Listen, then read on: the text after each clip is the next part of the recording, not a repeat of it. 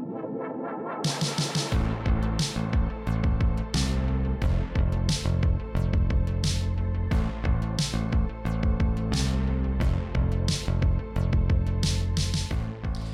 hører nå på Bibelprat med Kurt, og vi er godt i gang med romerbrevet.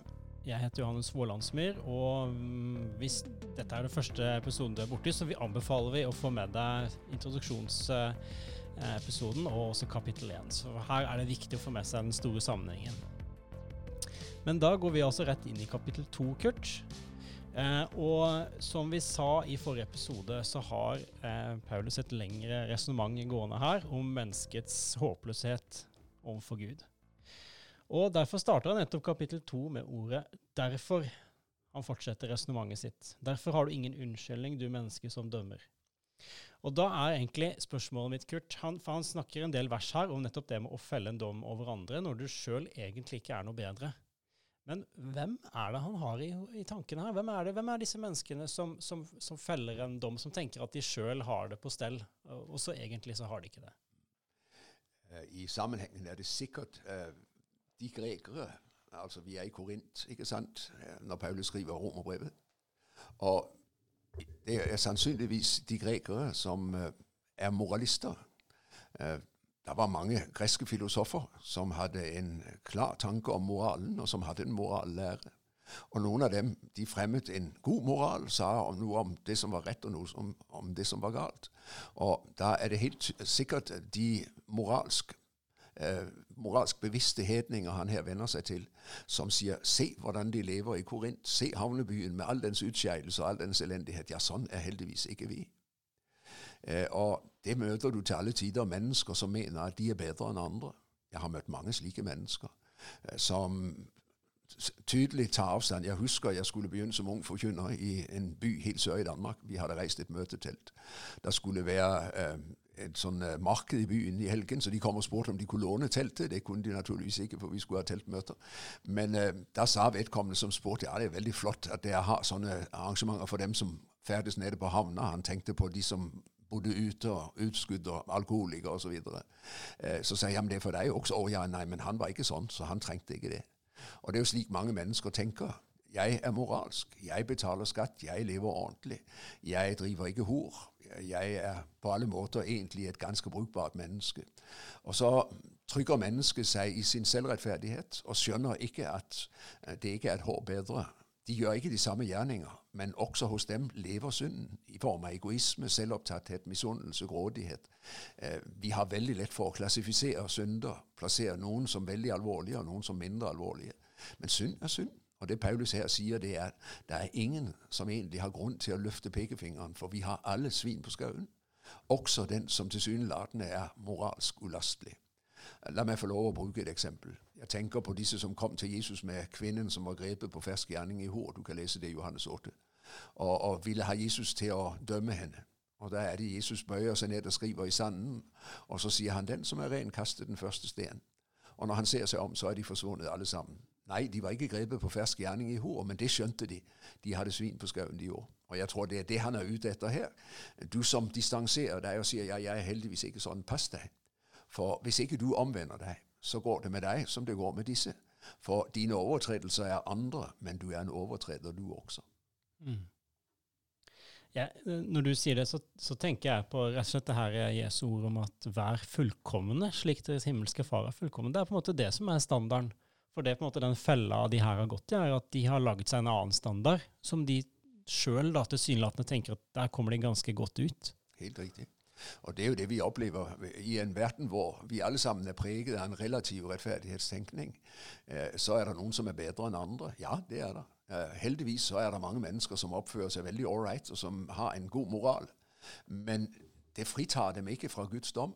For også det moralske mennesket har veldig lett for å bli bl.a. fordømmende, kritisk til de andre, øh, stolt, selvopptatt. ikke sant? Og, og, det ene er like galt som det andre. Det er jo det Jesus anklager, anklager fariseerne for. De tar bort de små tingene. Dem stanser de veldig for øh, med øh, urenhet i forbindelse med å vaske hender osv. Mens det som har mye større vekt i loven, kjærlighet, rettferdighet, godhet, det legger de ikke vekt på. Og, og det er jo det som er problemet for veldig mange. Man er tilsynelatende rettferdig, for man betaler enhver sitt og lever et uh, ganske ryddig liv. Men det fritar meg ikke fra anklagen for også å være overtreder. Jeg gjør det i mindre målestokk, ikke så synlig. Men det er ingen her som holder mål i forhold til Guds fullkomne krav. Og så er det et vers som, som Selve verset syns jeg egentlig er et utrolig flott vers, men, men, eh, det kan på en måte virke litt sånn rar liksom Jeg får det liksom ikke helt til å passe inn i resonnementet til Paulus. Men, men, hjelp oss litt med det, Kurt. Vi, fra vers tre der. Mm. Men når du menneske dømmer dem som gjør slikt, og selv gjør det samme, mener du da at du skal slippe unna Guds dom? Og så kommer det her verset, da. Eller forakter du hans uendelig store godhet, overbærenhet og tålmodighet? Skjønner du ikke at Guds godhet driver deg til omvendelse? Og så kommer nytt vers. Med ditt harde hjerte, som ikke vil vende om, hoper det opp vrede over deg til vredens dag, når Gud åpenbarer sin rettferdige dom. Vers fire er egentlig kjempeflott, vers om at det er Guds godhet som driver oss til omvendelse. Men åssen passer det inn i resonnementet her, egentlig? Jo, det passer veldig godt inn. For du mener altså at du skal kunne stå med din egen rettferdighet for Gud og skjønner ikke at når Gud lar deg være i live, når Han lar deg ha gode dager, så ligger det i det et kall til omvendelse, så du søker ham, så du vender om fra din selvrettferdighet og din selvgodhet og søker hen til ham som alene kan frelse deg, nemlig Jesus. Altså, I dette at Gud holder verden oppe, så ligger Guds kall til ethvert menneske. Søk meg mens jeg finnes. Men det tragiske er at så mange opplever gode dager og vil gjerne ha gavene, men de vil ikke ha giveren. Og dermed så hjelper det dem ingenting at de lever moralsk, for de har ikke skjønt at det holder ikke til frelse, at det er Jesus alene som kan frelse. Guds godhet vil virkelig kalle deg til å si Gud har vært uendelig god imot meg.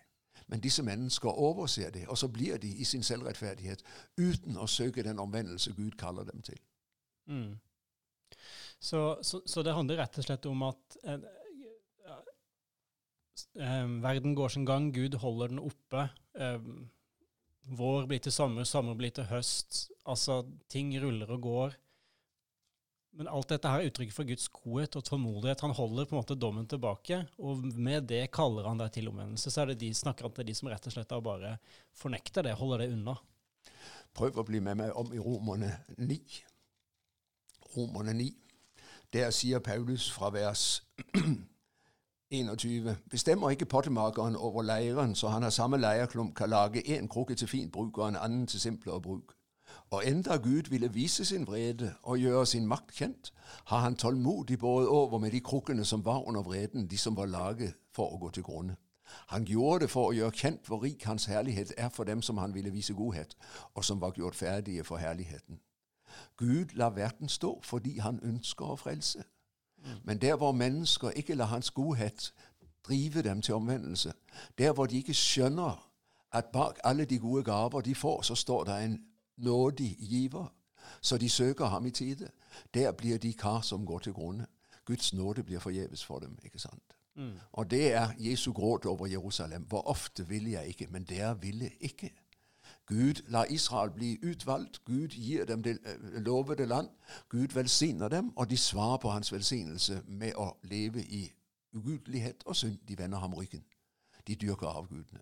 Og Derfor kommer Guds dom i Det gamle testamentet, og derfor kommer den i Det nye testamentet.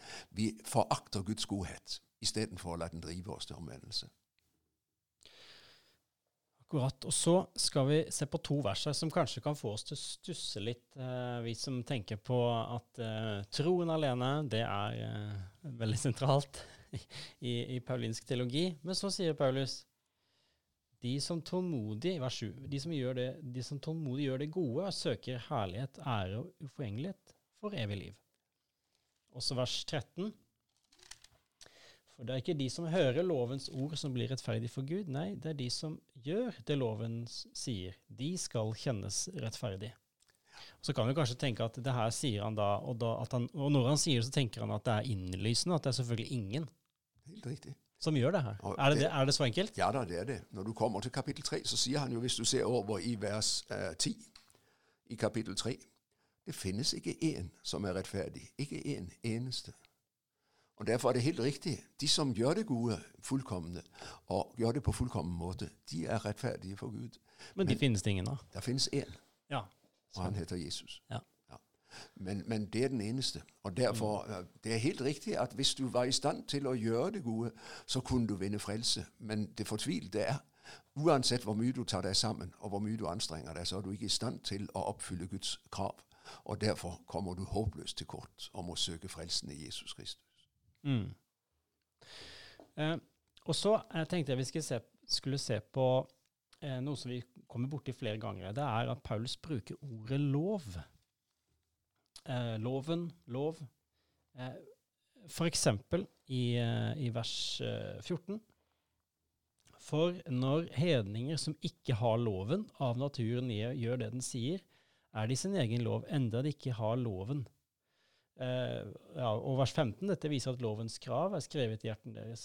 Uh, vi, vi, har vært innpå det her før, Kurt, men, men, det kan jo umulig være på en måte Moseloven og de ti for han snakker her om hedninger som har loven. Det, det, ja. Jo, her i vers 14, når hedninger som ikke har loven, nemlig Moseloven, av naturen allikevel gjør det den sier, så er det sin egen lov. Det viser altså Gud har etterlatt seg også moral, bud i hjertene til, til menneskene. Mm. De vet noe om rett og galt. Ikke det rette, eh, for de kjenner ikke Guds lov. Men det at de vet om rett og galt, og at man altså i et også hedensk samfunn straffer den onde gjerning, det sier noe om at det er spor etter Gud i menneskets hjerte og i menneskets samvittighet. Mm. Eh, så mennesket er på den måten sin egen lov, og bekrefter altså at Guds gode lov eh, den er på en måte til stede i deres liv, selv om de ikke kjenner den. Mm. Jeg, jeg, tenkte sånn om det at, at altså selvfølgelig, hedningene har ikke loven om hvordan man skal behandle hus som har fått sopp på veggen, f.eks. Det er jo ikke, lov, det, er ikke det han sikter til her. Men, men jeg, for meg så slo det meg at det ga litt mening hvis jeg tenker at hvordan er det Jesus oppsummerer loven?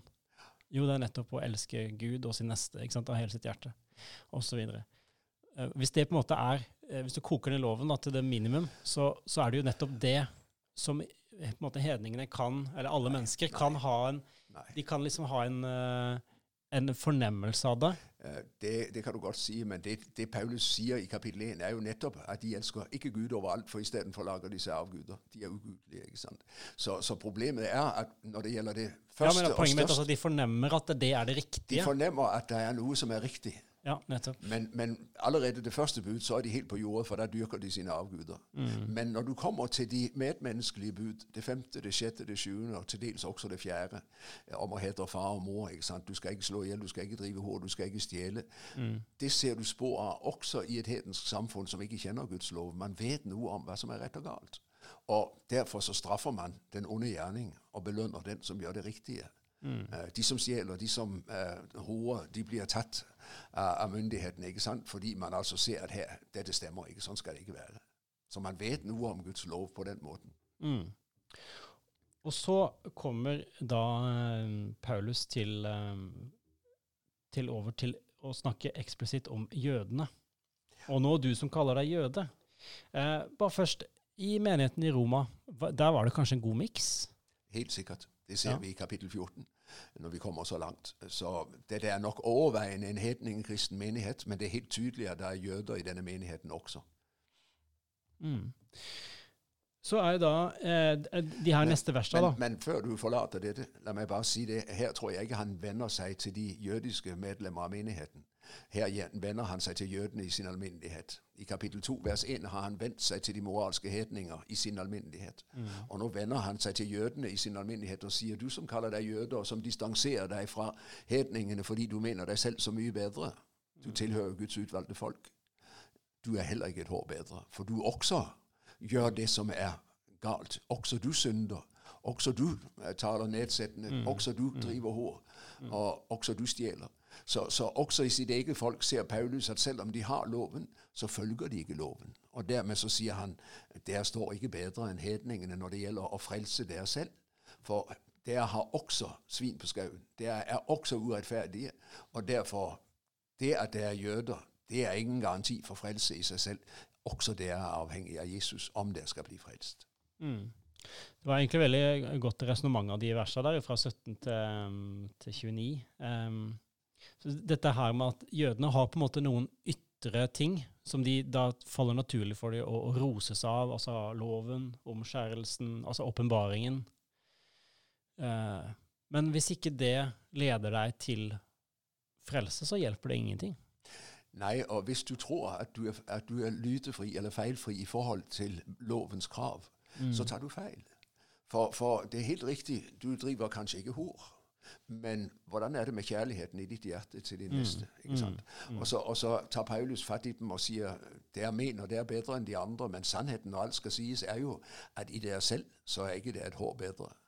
Jeg, la meg få lov å bruke et aktuelt eksempel. I dag så snakker vi så ofte om ja, men han er kristen, og han gjorde sånn.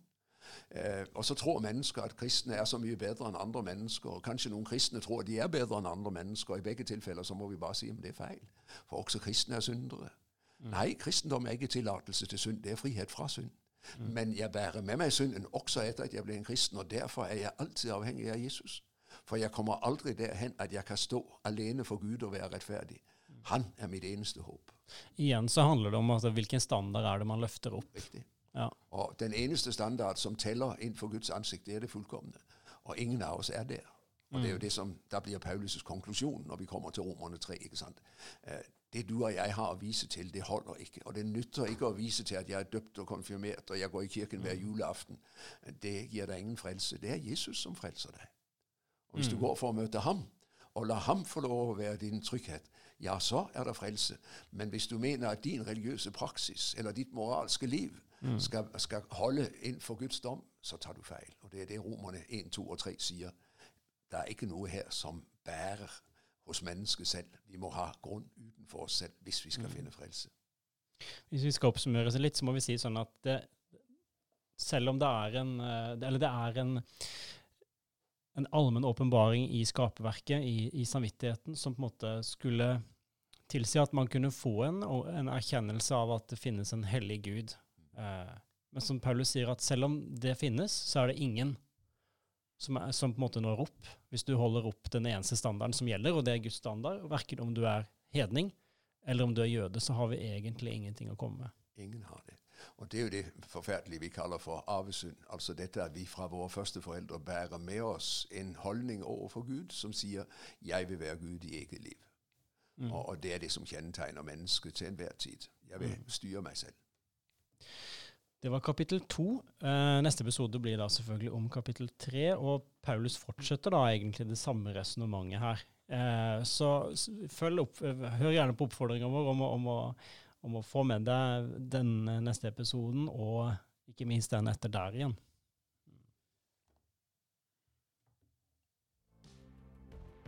Var det gildt å høre på denne podkasten, må du gjerne gi en gave til Nordmisjon sitt arbeid, f.eks. på VIPS med nummeret 94272, eller besøk oss på nordmisjon.no agder.